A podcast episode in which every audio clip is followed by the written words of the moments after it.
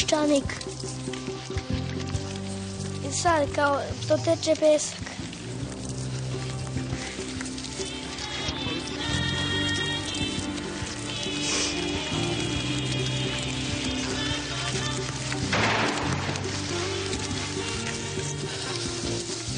Živećemo radeći sku robu. Bićemo robovi. Nije to hak, to smo mi. Peščanik.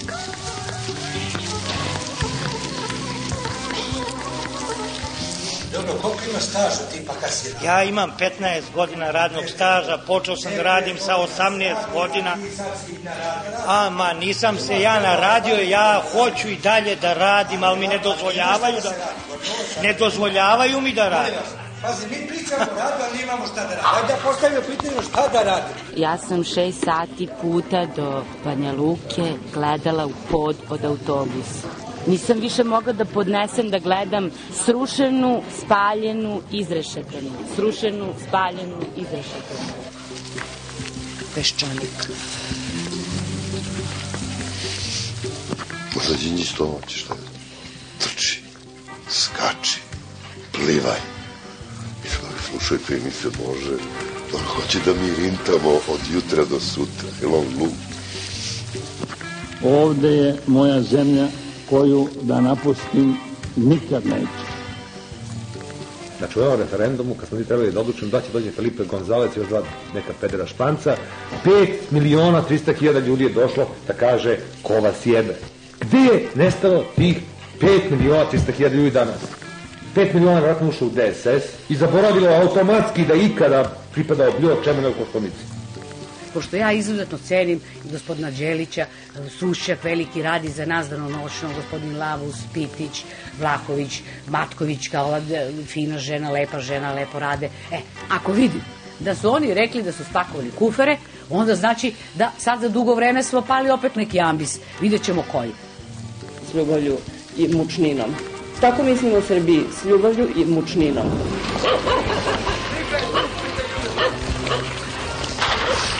Šta ti braniš? Peščanik.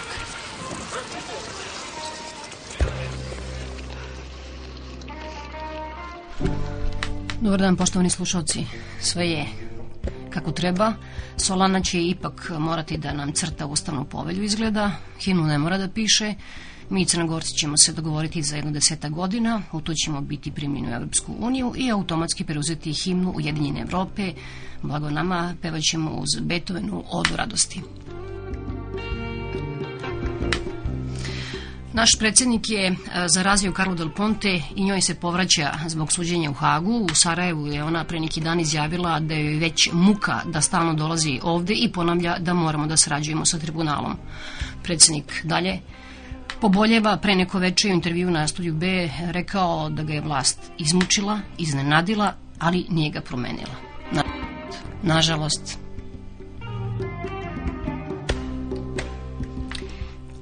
On i dalje, noseći pod miškom krst časni, slobodu zlatnu i nekoliko raznih ustava, traži ponosni put za Evropu.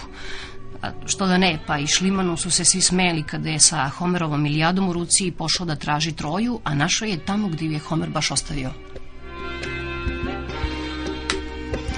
Predsednik Koštunica nigde ne žuri, njemu iskustvo pokazuje da samo treba da sedi, ponekad podmetne nogu i da čeka. Picasso je jedan njegov učenik pitao zašto mu učenje slikanje tako sporo i teško ide, a Picasso je rekao strpljenja mladi prijatelju, strpljenja i ugljenik je postao dijamant samo zato što je umeo da čeka. Problem sa a, nastaje što dijamant više nije ono što je bio, ni zlatne poluge, a boga mi ni zlatne kašike. Valuta se promenila, ali to naš opasno nesposobni predsjednik i njegova stranka ne znaju a opasno sposobni premijer sve manje bira sredstva i ne pravi pitanje šta mu rade saradnici samo da su kao efikasni. Njegov ministar pravde, Vladan Batić, valjda egzaltiran što mu je radnički iz Obrenovca ušao prvu ligu gde će kad tad baciti na kolena Obilić, pobrkao je vlasnicu Obilića Cecu Ražnatović i predsjednicu Vrhovnog suda Lepo Karamarković, a sudije Vrhovnog suda i Beogradskog okružnog suda sa futbolskim sudijama i svima deli šamare i crvene kartone. Premijer je e, tražio da sudstvo radi efikasnije, a njegov prvi saradnik, Čedomir Jovanović, daje primjer i ne odaziva se na poziv suda da svedoči o potezanju pištoljima Calamity Jane, to jest e, Marija Milošević. Mali Čeda kaže, neću da idem na sud. On misli da je i dalje onaj mali slatki sa beogradskih ulica kome su devojčice za vreme protesta slale pisanu poruku Čedo, oženi me. Ni Čedomir Jovanović nije shvatio da više nije poželjni mladoženja, nego predsjednik poslaničkog kluba koalicije koja vlada ovom zemljom.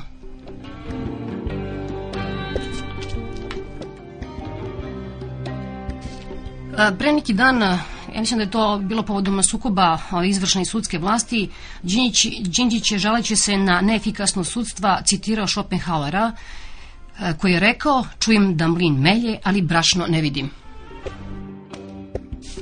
Premijer, premijer naravno uvijek ima nešto zgodno da citira, ali to više nije dovoljno, jer divna je i ona parabola o memljivom dvorcu sa hiljadu zaključanih vrata ispred kojih stoje ključevi. Svi ključevi su međutim pomešani. Poludili ključari u Hagu i sada treba pronaći pravi ključ za prava vrata. Imamo jednog ključara koji nam čuči ispred vrata sa istančanim prezirom na licu, pokušavajući da snagom svog poštenja i snagom svoje vere natera vrata da se otvore, a drugi ključar je izvadio kalauz i misli da je mnogo pametan. Juče je održana konferencija za štampu sudija, odnosno društva sudija Srbije. Da vas podsjetim, to su uglavnom ljudi koji su izbačeni sa svojih poslova, visokih sudskih poslova tokom vladavine Slobodana Miloševića. Vi slušate dvoje, jedan je gospodin Ivošević, a drugo je gospođa Lepa Karamarković. Zameraju jako mnogo što nema lustracije. Znatan deo odgovornosti za to snose i političke vlasti. Dok su bile u igri, izvinite na toj malo slobodnije reči, obe koncepcije, lustracija protiv lustracije. Mi smo imali u Vrhovnom sudu jednu široku akciju te lustracije. U toj akciji je desetak sudija otišlo. Ali su troje bili na tapetu opšte sednice zato što sami nisu hteli da Kad smo im predočili, gospodo, mi ćemo pokrenuti posao. Sutra dan su dali izjave, neće više da budu sudije. Mi smo bili vrlo zadovoljni i ja poštujem to. I više njihova imena uopšte ne izgovaram.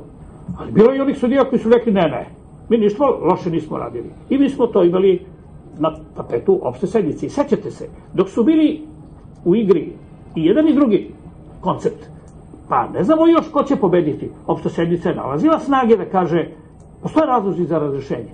Odjednom je taj koncept diskontinuiteta propao. Od lustracije nije ostalo ništa u sada važećim zakonima. I vi ste imali onu čuvenu opštu sednicu, kada je čovjek koji je učestvovao u izbornim krađama dobio poverenje suda. Oni su rekli, jeste, on je učestvovao u krađama, jeste, to je bila krađa, ali mi nismo da on bude razrešen. A tada više nije bio u igri onaj drugi koncept, nego samo ovaj, jer je taj koncept propao. A zašto je propao? Propao je u toj političkoj nagodbi. A predlog je bio DSS-a taj. Naravno. I vi sada u zakonu nemate nikakve odredbe o lustraciji. A da je onaj zakon koga je pripremala radna grupa u ministarstvu usvojen, onda bi to bilo. I onda bi gospodin Bačić mogao da kaže, gospodo, zašto vi ne izvršavate zakon? U stvari, u toj političkoj nagodbi stradala ta ideja o lustraciji. Sad, mi hoćemo novi zakon.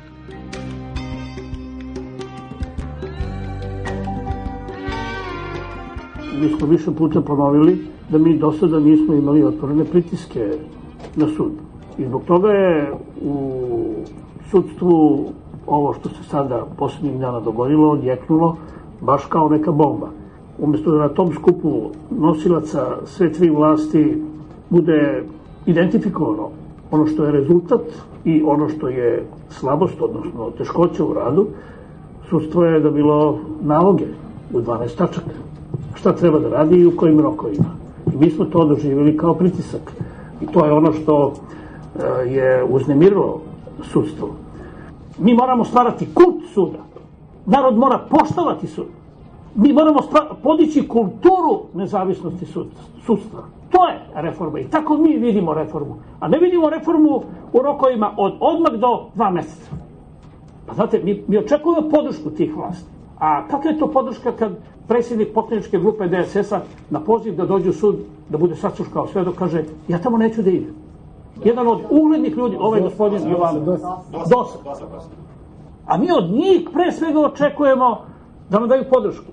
Jer ako narod ne veruje sudu, pa taj sud ne može da bude u misiji pravde. Još nešto. Oko ovih zarada. Mi čitamo u novinama pre dva dana izjavu gospodina Bačića koji kaže da je pre dve sedmice, čitiram njegove reči, vlada zaključkom utvrdila da će sudije imati platu od 100 maraka.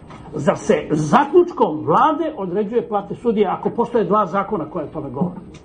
Pa znate, ne može sudija biti kafanski svirač, da mu neko, pa makar to bio i ministar, zalepi hiljadu maraka na čelo pa kaže sviraj moju pesmu. A da pritom ne kaže koju, nego da mi moramo da pogodimo koja je ta pesma. E, to je ono što nama smeta.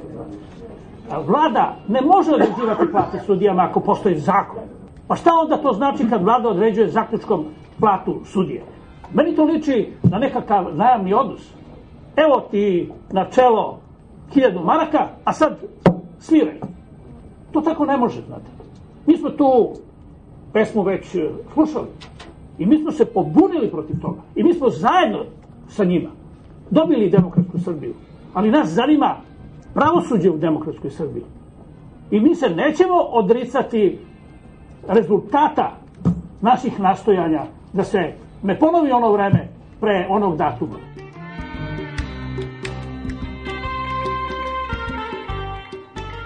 Nezadovoljstvo premijera, ja sam to primetila u Skupštini, bilo je izrazito u smislu da smo mi insistirali na nezavisnosti sudstva i njemu se sigurno činilo da mi time hoćemo da se branimo od kritike. Apsolutno ne.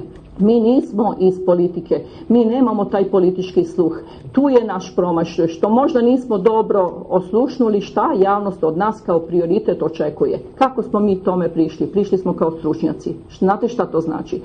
To znači da smo mi radili od 8 do posle podne do 7-8 sati potpuno angažovani u uverenju da mi za to pravosuđe najbolje radimo. Mi smo zatekli stanje da je iz pravosuđa otišlo 800 ljudi, da je stara vlast dovodila po partijskim kriterijumima, da je bilo 60% u drugom opštinskom sudu je sudija mladih koji manje imaju od tri godine sudijskog iskustva. Kad znate koju je srednju školu završio, kakav fakultet, možete da zamislite da je edukacija njihova bila nužna. I mi smo jedan veliki fond svoje energije utrošili da edukujemo mlade. Mi zaista ulažemo nadčovečanske napore Pravosuđe vri kao košnica, u pravosuđu se stalno nešto radi i događa. I pritom je sasvim izvesno da smo mi propustili da vidimo šta je to očekivanje javnosti, šta se javnosti tiče edukacije. Ona će efekte tih naših mera i zalaganja videti kroz 3-4 godine, ali danas ona to ne vidi. Ali ne možete, kao što sam premijera čula pre neki dan da kaže, efekti rada ove vlade i reforme koje ona sprovodi vidjet će se tek kroz izvesno vreme. Efekti naših zalaganja će se zaista videti kroz izvesno vreme. Nismo mi zatekli čistu i urednu kuću pa da mi u nju nosimo cveće i tepihe. Mi smo zatekli razorenu kuću koju smo prvo morali da malo zakrpimo i izgradimo, pa smo sad upravo mislili da i po neki tepih i cveće da unesemo sa medijacijom, sa edukacijom. Međutim, očigledno su ljudi nestrpljivi ali sa javnošću se ne sme manipulisati. Javnosti mora da se kaže nije u redu sve u pravosuđu, ali je pravosuđe mnogo učinilo. A to što nije u redu, mi priznajemo. Kaznena politika je blaga.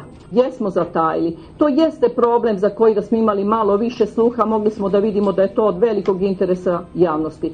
Ono što bih ja htjela da kažem, to znači mi moramo kritiku koja nam je upućena, bez obzira na način na koji je upućena, da shvatimo ozbiljno da shvatimo ozbiljno šta to znači javnost očekuje da ti iritirajući krivični politički predmeti budu suđeni brže i da se što, ako je moguće u rokovima koje zakon kaže, da vidimo da nemamo tu možda neki strah prema strankama, da nemamo neke druge razloge koji nas sprečavaju da te predmete sudimo kako treba.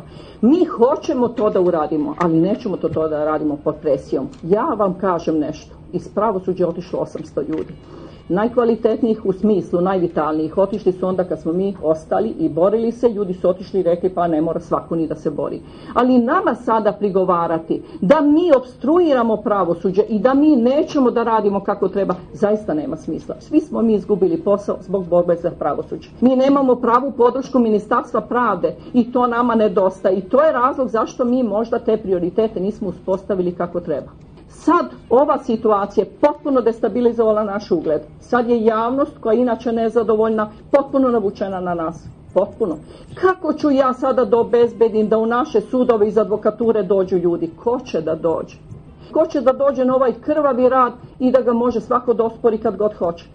Mi imamo taj problem, imamo problem i odlaska. Šta vi mislite da će ljudi da šest puta u životu dožive da budu pod presijom i da odu iz pravosuđa? Neće. Ne sme gospođi Vidi Petrovi Škero da se zamera da ona ide turistički mesec i po dana. Ja sam isto toliko išla i uglavnom sa njom. Mi smo navukli omrazu kad smo se vratili iz Amerike zbog toga što smo bili u Americi. Pa mi smo išli u Ameriku na poziv State Departmenta. Hoću da vam kažem, mi smo dve nedelje radili od jutra do sutra u naporu da vidimo šta se to tamo radi i da to prenesemo i modifikujemo u Srbiji. I da neko koleginici vidi Petru i Škero preko štampe javnosti uputi kritiku da ona ide na putovanja kao, a meni kaže vi bolje da osnujete turističku agenciju. Ja neću to da dozvolim. Mi hoćemo da smirimo strasti, ali od danas pa u buduće sa nama može samo sa punim poštovanjem. Ako nas ne poštuješ, mi u tim uslovima ne možemo da radimo. Kako ćemo mi sada da izađemo pred javnost, kad javnost od nas zazire, kaže vidi ove putuju po inostranstvu, troše narodni novac. Nema smisla to. Bila ovo gospođa Lepa Karamarković, predsjednica Vrhovnog suda Srbije. Sada slušate profesora pravnog fakulteta i čovjeka koji, dakle, koji je njima kolega, a u isti mah je i deo izvršne vlasti, u stvari on je član predsjedništva Građanskog savjeza Srbije, da čujete njegovo mišljenje. Postoji jedna navika da se sudska vlast da se smatra da ona može da obavi ove ili one poslove i da se onda na, na nju povremeno neko breca zašto radi ne radi. E sad, naravno, ova situacija koja sad trenutno postoji, ona je nastavak toga i vidite iz ponašanja izvršne vlasti, koja ipak kod nas najjača, kao što je bila pod Miloševićem, kao što je bila pre toga, vidi se da ona smatra, da, izvršna vlast, predsjednik vlade, ministri, da ona treba da planira razvoj zemlje i da svi drugi treba da se podvrgavaju. I prema tome ja u otporu, prema tome sam na strani sudske vlasti, samo što sada u to naše nasledđe spada i personalni sastav te sudske vlasti, koje naravno što više idete u hierarhiji, to gori i gori. Mi smo zaboravili da je prvo biti sudija i pre Miloševića, jel da nije bilo baš sasvim lako, jer smo mi prolazili kroz te periode političke podobnosti, i mi smo zaboravili da je bila jedna čistka sudija već ranih 90. godina, mislim 91. 92. I mi smo se zatekli s takvim kadrom 5. oktobra. Sudstvo očistiti, lustrirati je vrlo delikatno. Ne može se udaljavati sudstvo neko samo zbog toga što je donosio presudu koje se nekom ne sviđa. Pružila se prilika za to kada je trebalo doneti novi zakon u sudstvu, postoje jedan nacrt zakona najviše na njega uticao sudija Ivošević ovaj, koje je trebalo da napravi jednu logičnu sekundu da ukine sve sudove pa da stvori nove sudove i to bi bila prilika da se jednostavno iz sudstva uklone oni ljudi koji su se teško obrukali, naročito koji su se obrukali sa izbornim krađama i svim tim. To je sprečeno na neki način ovih snagama koje su stale iza zakonskog predloga DSS-a od nekoliko zakona. Iza toga je očigledno bila, treba neko da mu razuveri, želja da se tu što manje dira. I oni su sad zacementirali jedno stanje gde se iz sudstva može ukloniti sudija samo sa glasnošću svih drugih sudija. I pošto je jedan pokušaj da se udalji jedan sudija Vrhovnog suda Srbije koji je do guše bio upetljan u izborne krađe, međutim većina njegovih kolega je odbila taj predlog predsednice suda i još je pritom radovala se što je taj predlog propao. Karakterično da jedino uklanjanje je bilo jednog sudije koji se zapravo zamerio nekom pogrešio u odnosu na nekog pripadnika službe bezbednosti, da, koji je bio pogrešno optužen. Znači, činjenica da ove zamerke stoje, da je utisak da ima mnogo oslobađajućih presuda, da ima utisak da ima mnogo uslovnih otpusta, a greška je učinjena što jednostavno sudstvo nije ilustrirano odmah. Kao što i mnoge stvari nisu raščićene odmah i sada ih je teško raščićavati.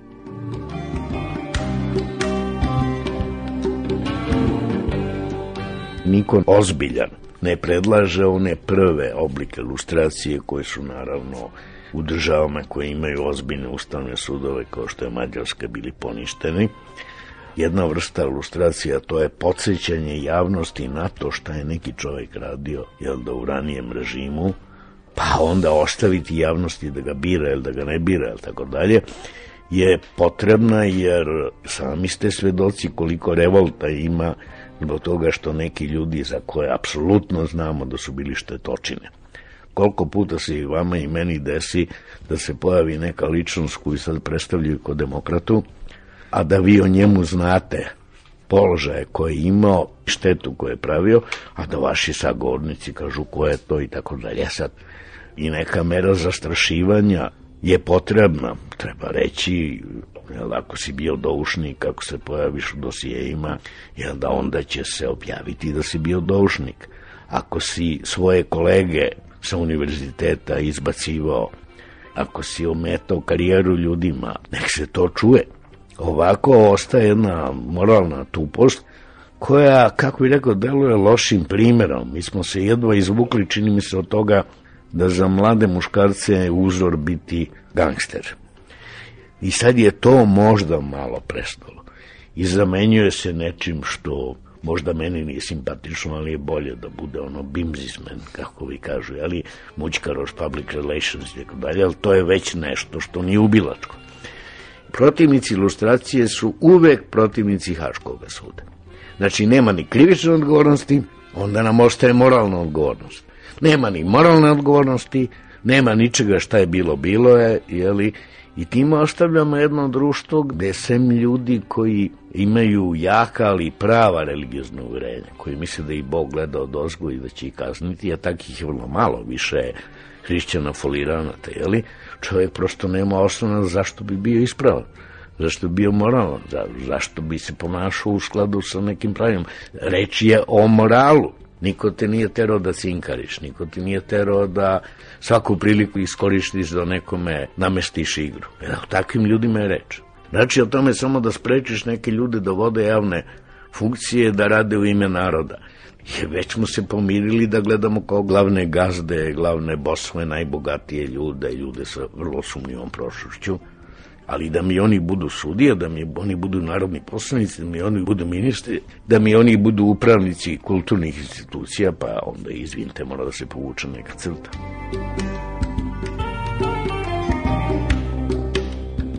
Mi smo počeli pod Miloševićem spontanu privatizaciju, pa onda je ko je bio najbliži. Evo, Julovi direktori hotela Metropol, sad su verovatno njegovi vlasnici, jeli? ko je bio najbliži, to je uzor. To se desilo i drugim zemljama, I znate, tu će ostati mnogo nepravičnog, mnogo gadnog i tako dalje, ali ajde bar da sprečimo razmene toga. Ja to stalno ponavljam, mi vrlo, vrlo ličimo na Francusku posle Višija. Toliko ljudi je bilo umešano, toliko ljudi jedan drugom mogu da pomognu i da se izvuku iz te odgovornosti. Vidite da Francuska i dan danas 50 nešto godina s Višijom ne može da iziđe na kraj. Nije mogla da sudi čak ni najogavnijim nekim policijskim šefovima i tako dalje. Ovo se verovatno ne može sprečiti ta naša nova, kako bi rekao, buržuazija ili novo plemstvo. Počeće kao svako plemstvo. Tata, pljačkaš, pošalje sina na bolji univerzitet, a unuk je već sasvim kultivisan čovek i nikoga više ne pita za poreklo te imovine. Ali nek to ostane u toj sferi. Ali za političku sferu, za neku javnu sferu, za javne poslove mora da postoji ilustracija.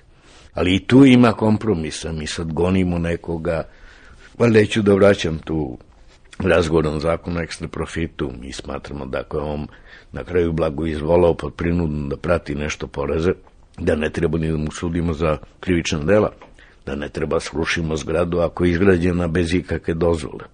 Tu naravno ima još jedna okolnost koja naravno priznajem da je teškoća protiv koje se žalje starije žrtve represije, da je to skoncentrisano sve u posljednjih 15 godina šta će biti s onima jer mi za razliku od istočne evropskih zemalja koji su se ilustrirale mi se ne ilustriramo u odnosu na komunizam koji su oni identifikovali sa Sovjetskim savjezom. Mi se ilustriramo u odnosu na dve faze, u odnosu na poslednju potpuno aberativnu fazu produženja komunizma kod nas i na prethodni. I sad jedina utaha gde može praktično čovjek da stane i da kaže kad recimo Vojislav Kostić pominje nekakve zlotvore iz 50. godina, 40. godina, možete kažete da više nisu opasni, da se neće kandidovati za šefove ministarstava i to. To je ovako praktično uteh, ali ako čovek počne da izmišlja kao naš predsjednik, kao profesor Čovoški, što u mogućih razloga protiv toga, jel da onda ćete u, naravno uništiti ono malo mogućnosti da se ova zemlja moralno oporavi.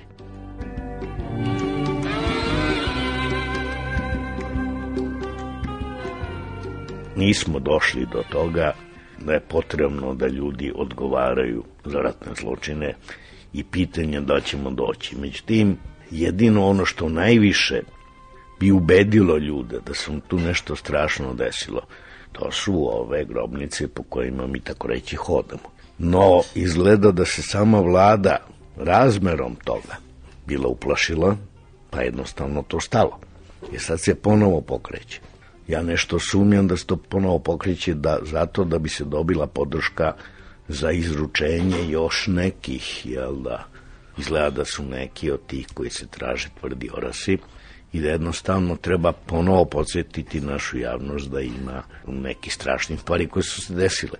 I najubedljiviji dokaz je to da su ljudi masovno trpani u grobnice, odakle su, kada, zašto, kako, to nije objašnjeno i to je prilika koja je zakasnela i čini mi se, nažalost, neće promeniti taj osnovni stav da tu treba neko da ispašta, nego jednostavno sve, sve ide u pravcu nekog zaborava, u pravcu nekog kvazi pomirenja i što rekao Šešelj, sačekat ćemo 70 godina pa idemo u novi rat.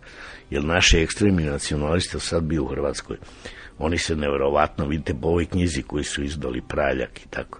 Oni vole jedan drugog, oni smatraju da su oni normalni, a da su pacifisti i ovi koji su, kako oni misle, etnički, nacionalni ateisti.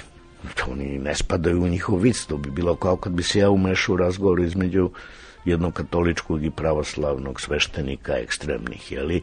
I kad bi ja njih umirivao, oni bi me obojica osudili, jeli? I to sad postoji i zato postoji i želja da se taj Haški tribunal skloni. Vodili smo jedan lep ratić, nekoliko ratova, eto, pobedili su nas, to priznajemo, jeli? I zato je, recimo, danas je Tuđman u Srbiji više cenjen nego u Hrvatskoj. Ili je stvorio kao Hrvatsku državu, to je san, a onda ćemo ponovo da ratujemo.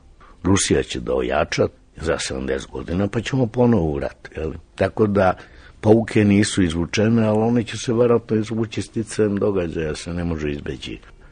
Ta integracija imate te razne paradokse, da recimo vojska, stup tog jednog stava ksenofobnog, prva želi da uđe u partnerstvo za mir. To je nešto što je vrlo teško objašnjivo, ali to se dešava.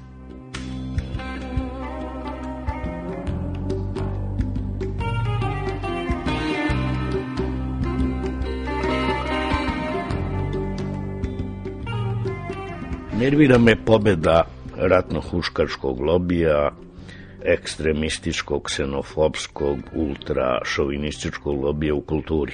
Jer da oni su se ponovo punom snagom vratili, oni dalje jedan drugom dele nagrade, možda to nije nešto ozbiljno. Oni dominiraju u kulturnim rubrikama, sve se više svodi na ono rešenje i to možda vidite prilično precizno kad čitate da je Milošević bio jako dobro do 1995. godine i posle toga nije više dobar. Zašto je više nije bio dobar? Zašto je potpisao Dejtovski sporazum, jel da i što je da bi sebe spasao na vlasti i nije sledio više ekstremne ljude u Bosni ili Hrvatskoj. U što ide neka vrsta mazohizma naših nezavisnih medija, da smatruju da je to vrlo veličanstveno da sve te ljude koji su ovde sedeli za vreme prethodnog režima ponovo dovode na televizije i da ih ponovo slušamo kako peru svoje biografije. Dušim, delimično ih peru, inače ponovo insistiraju na tome da je to sve bilo divno, ali da je tu negde sloba pogrešio kad izgubio rat. A da li imate veliki deo vlade ili premijera samo koji nema vremena za kulturu, ima drugi stvari, imate predsjednika Koštunicu koji, mislim, bio je na koncertu Bore Đorđevića. Mislim, Bora Đorđević nije običan Pa Bora Đorđević, pa dobro, on je član njegove stranke, jeli. Tu sad, znate, to što ja imam više godina od njih, ja sam davno primetio u svojoj profesiji koja je naravno bilo uvek vezana, to je najlepši deo njen, vezan za mlađe ljude, pa stalno nove generacije stižu. I onda sam vidio da već negde sa 40 godina treba prestati izigravati mladiće.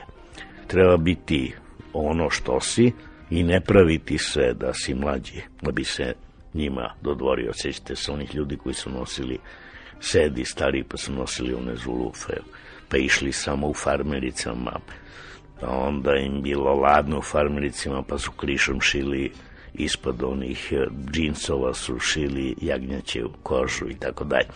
Dakle, meni je to uvijek bilo smešno. Tako da i ovo sada, vi se mladim ljudima nećete dopasti ako odete na neki Možete da idete ako to volite, ali dodete neki koncert, ne znam koga po to dovodi. A naravno, i Bora Čorba spada u tu priču, ali od Jedared je sve bila šala i bečki konjušari i sve to. Opet nam Bora Čorba poručuje da uživa opet u svom balkanskom barbarizmu, da što nas ovi uče, da peremo noge i opet pederi, jeli?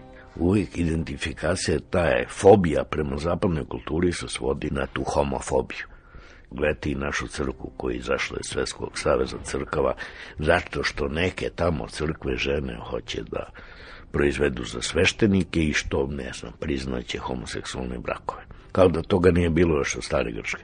Tako da to udvaranje ne znam kome šta donosi, to je mislim više uverenje matorih ljudi da će se dopasti mladima ako se predstavljaju kao da su mladi.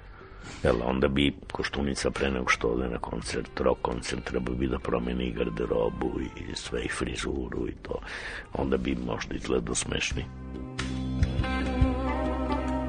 Peščanik.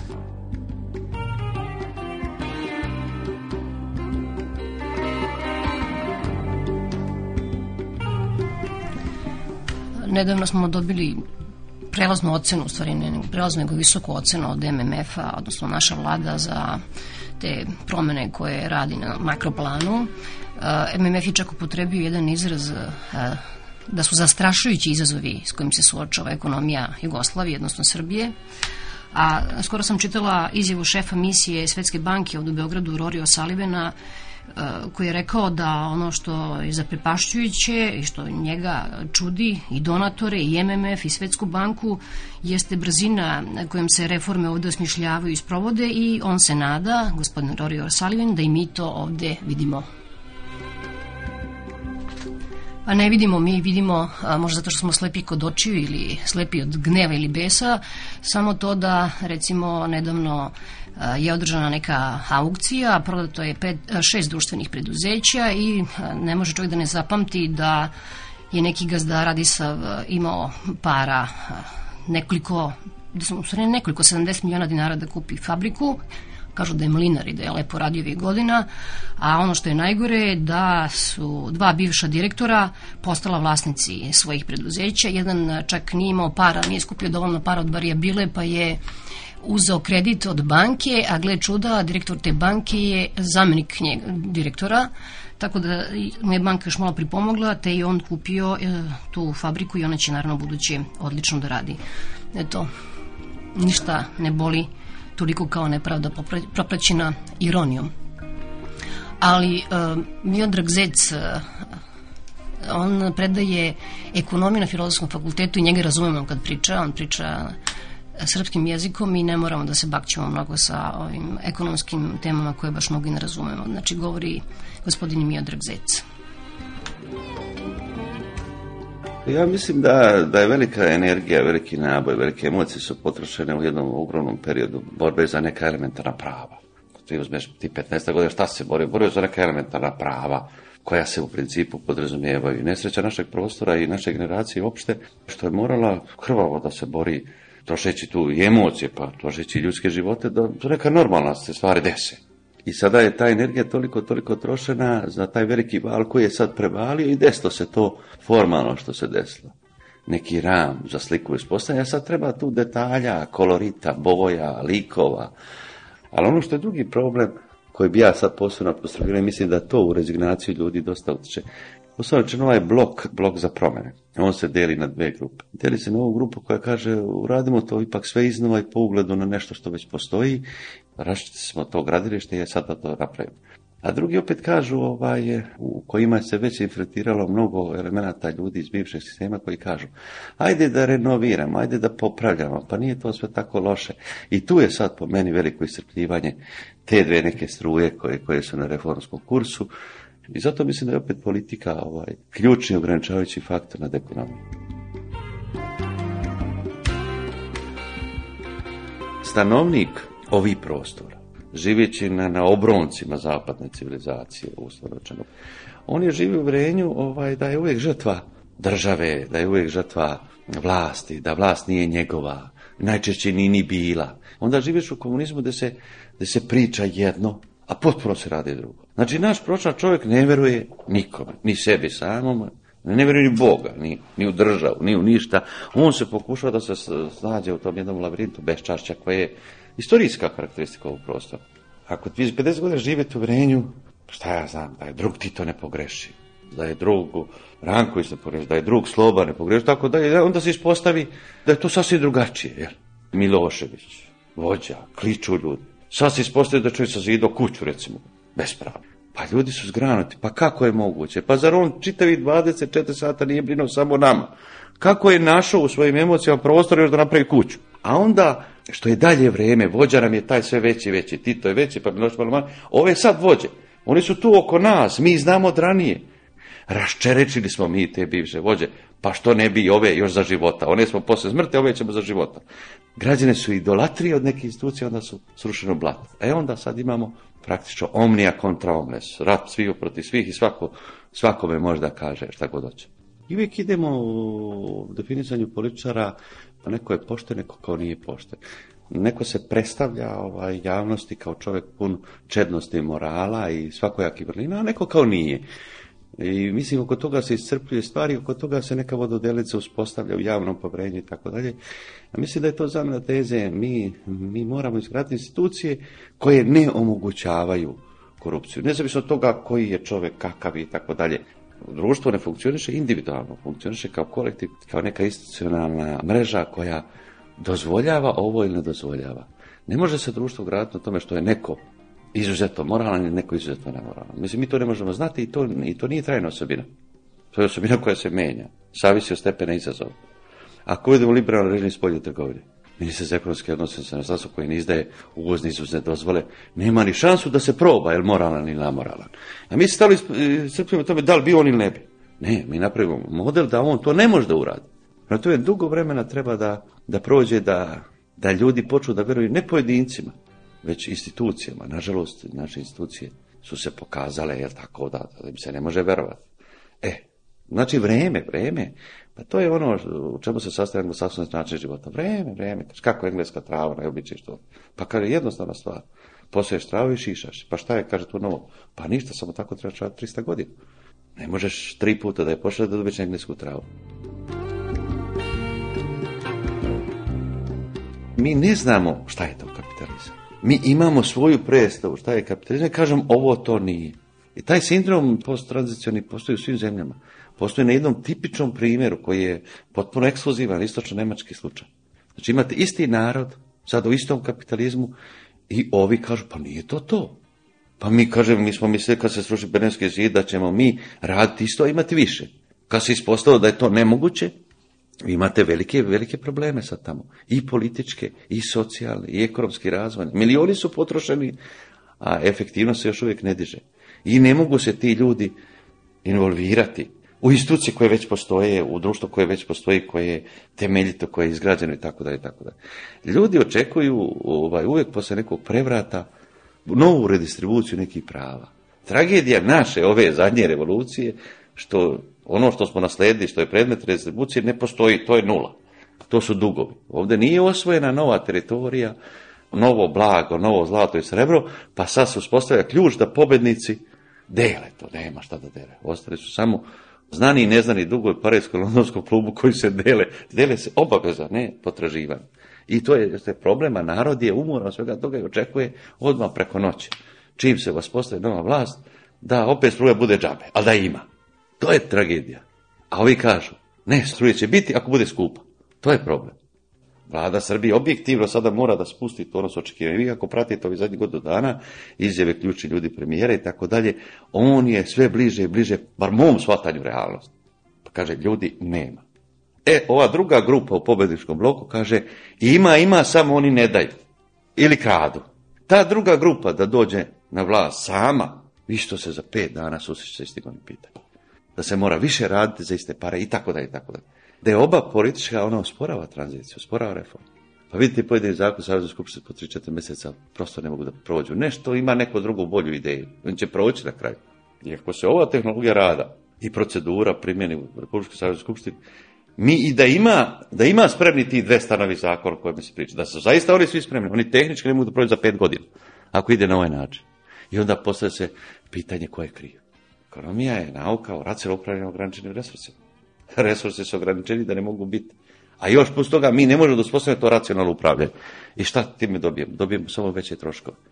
Znači, cena se ta mora platiti. Ona može biti manja ili veća. Ako postoji političko nejedinstvo, samo biti veća. E, da li to može da shvati običan čovjek? Da li se to njega tiče? Pa ne tiče ga se. On, ne, on kaže, pa, ja ne mogu ispod nečega. I ne može. I sad je problem, znači, gdje je ta granica između razvoja i redistribucije? Ako se ovako nastavi, ako korpus prava ostane isti, Neće, neće, ne, ne, nedostaje će snage za razvoj.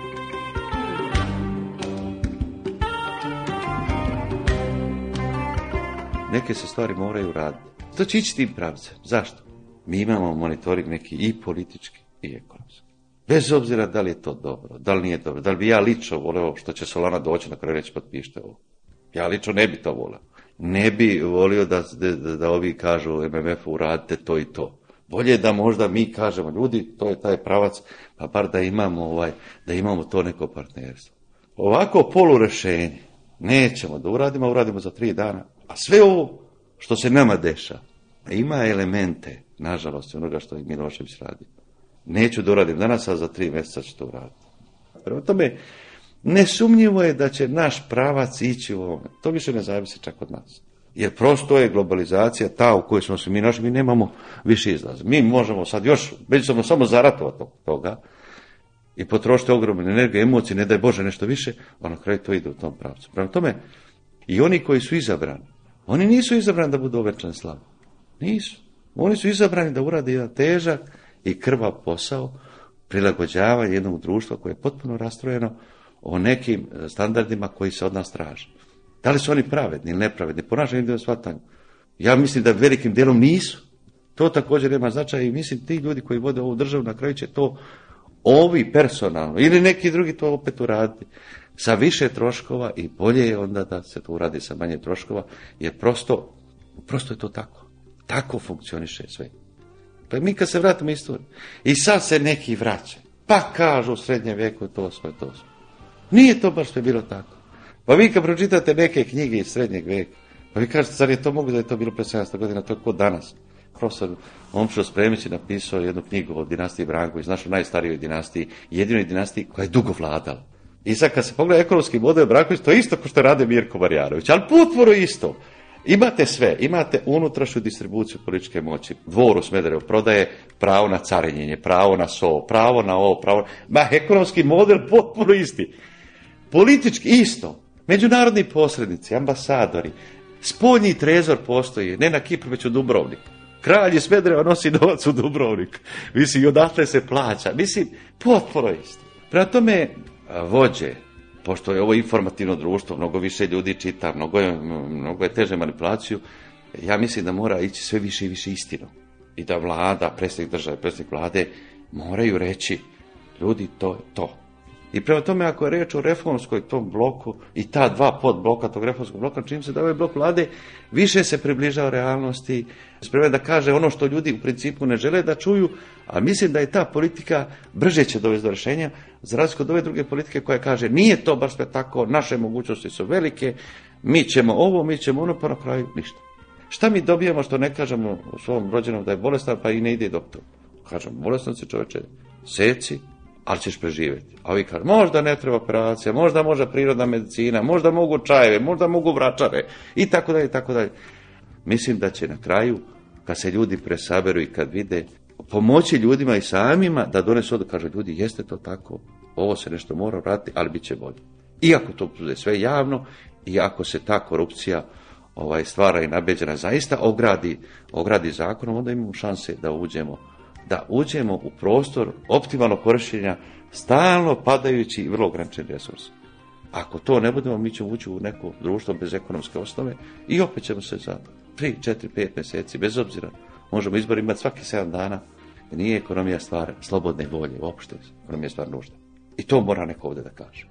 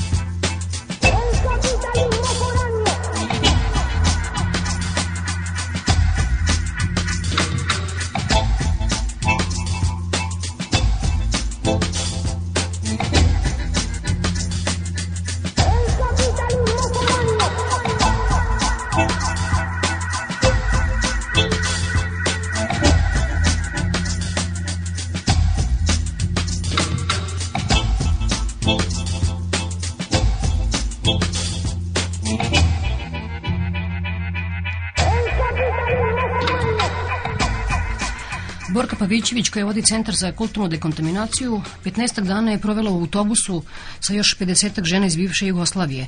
One su pokušale i uspele da pređu sve novonastale granice Balkana. Inače, ideja o ovom putovanju nastale u doba ratnih sukoba u Makedoniji, kada žene sa Kosova nisu mogle da pređu granicu i pridruže se ženama iz Srbije i Makedonije u Mavrovu. Govori Borka Pavićević.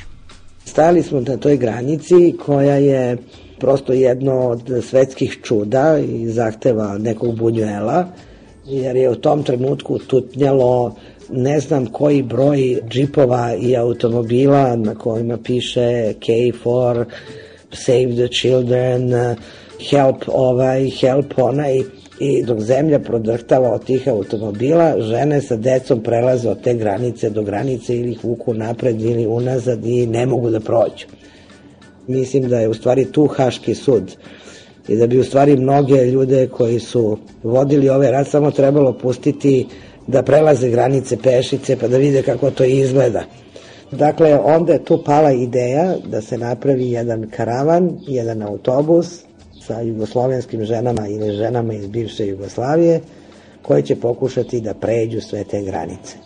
I autobus je krenuo 25. maja iz Vukovara. Išlo se Vukovar, Srebrenica, Tuzla.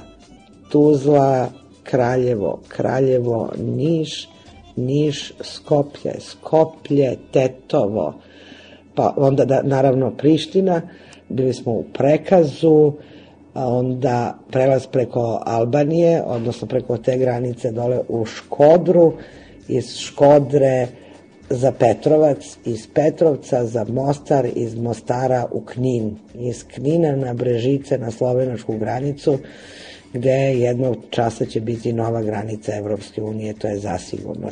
To je jedna teško opisiva tura, jer sada imaš 50 žena različitih sudbina, različitih generacija, različitog stepena uvida u situaciju žene iz Srebrenice umira koja ima ozbiljne godine i koji je ubijen muž na mostu u Višegradu je prešla u Srbiju. I kaže da je to za nju, da je misle da to nikad neće preći i da je strašno važno za nju što je ona to prešla. Mi smo pokušali da pređemo i prešli smo most u Mitrovici između južne i severne Mitrovice i to je onako bila jedna scena na tom stepeništu po završetku mosta i prelasku u Severnu Mitrovicu koja je mene strašno podsjetila na scenu iz Erinija koja treba da postanu Eumenide u kojem je jer, se govorili imali među vama šiptarki. Albanke su bile s nama.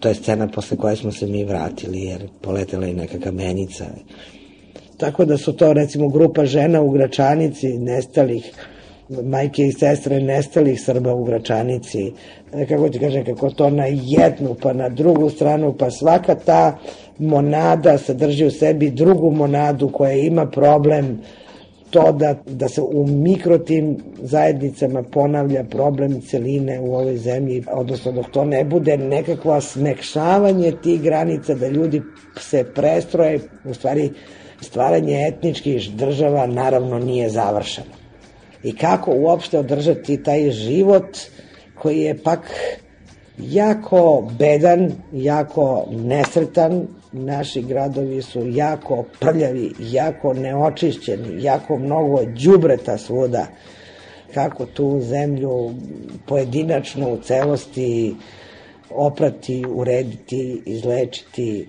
staviti na mesto ko je taj kod može da učini, a istovremeno i svest u tome da ti nemaš nikakvo pravo suđenja i da, mislim, svašta je tu bilo i mislim da to krajnje jedna zanimljiva. Ja sam naravno pod utiskom e, o tome, isto kao što mi je bilo zanimljivo da sam došla iz Amerike nedelju dana ranije i došla sam iz Vašingtona i Njujorka, tamo sam bila i onda sam ušla u taj autobus.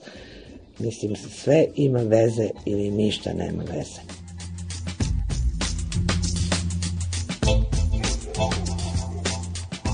Čini mi se da najveće zlo prave ljudi koji sede negde u nekim kancelarijama, u nekim foteljama, bilo da su naši, bilo da su strani, nemaju uvida. Pa evo uzmi samo Kosovo. Nije li cela priča oko nečega gde mnogi nikad nisu bili i gde mnogi nikad neće biti? Koliko više se tu plete nekakva priča, toliko se više gubi stvarnost iz vida. A mislim, o stvarnost je tako ja će opredeliti stvari mislim, ta iznutrašnja partijska borba, partijski život, uticaj naš, ama kako to može, koga običnog čoveka i koga to u svetu uopšte zanima. A ovo o čemu govoriš, to je fascinacija viđenja tragedije u farsi ili to je fascinacija iskeženim ogledalom, što svako od nas sreće ono što je nekoć bilo autentičnim, a vidi ga u kopiji jer ti u mnogim ključnim stvarima, u prepoznatljivosti imena, ulica, promena, ti stalno vidiš da je to bilo nekad nešto drugo i da je to na nekakav način prostituisano i da se sad rađa nešto što je u stvari kako ti kažem, invalidno od kombinacije stvari koje smo mi prostituisali, ako čiju vrednost nismo znali. Ja sam ušla u Gračanicu i onda sam videla da su na njoj metalna vrata. E, meni je to strašno što su na toj crkvi metalna vrata. Ta vrata moraju da budu drve. To, ne znam, to neki donator dao. Čemu se tu radi? I ti sad vidiš u stvarnoj muci, vidiš njen ram koji je pogrešan ram za tu tragediju. Problem naš je što mi, kao što nismo cenili ranije što smo imali, mi sad nismo na nivou svoje tragedije. Promenile su se stvari na način na koji se ta svetost smrti nije podigla na nivo na koje ona može da, da sudi. Zamena dželata i žrtava, pritisak politike i dnevnog trenutka u interpretaciji istorije, uticaj grupa, to to nije ozdravljenje.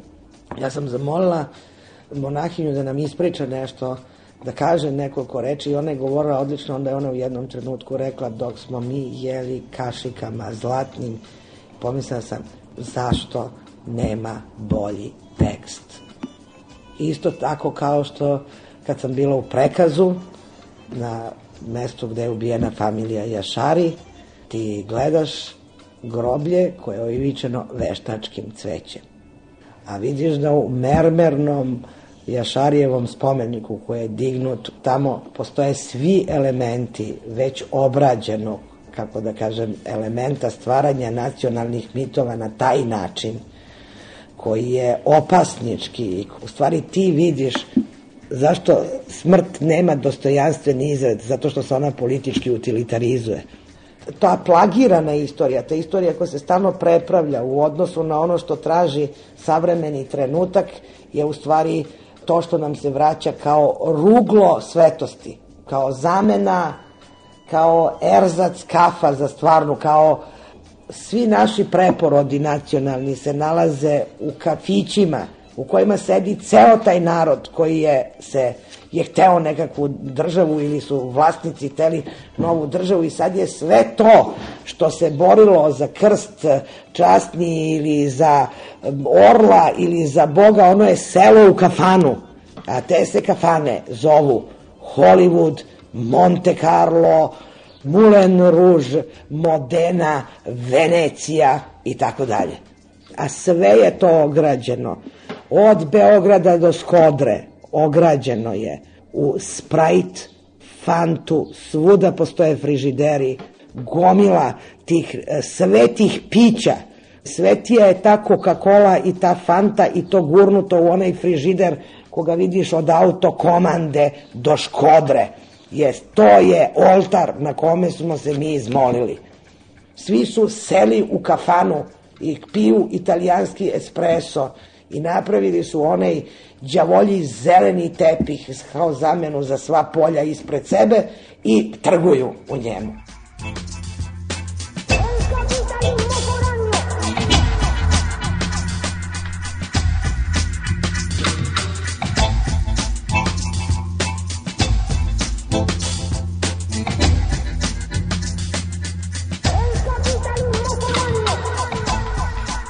Emisija Peščanik, montaža Boža Podunavac, realizacija Nikola Momčilović, a vam se zahvaljujem na pažnji Svetlana Vuković i Svetlana Lukić. Prijetno.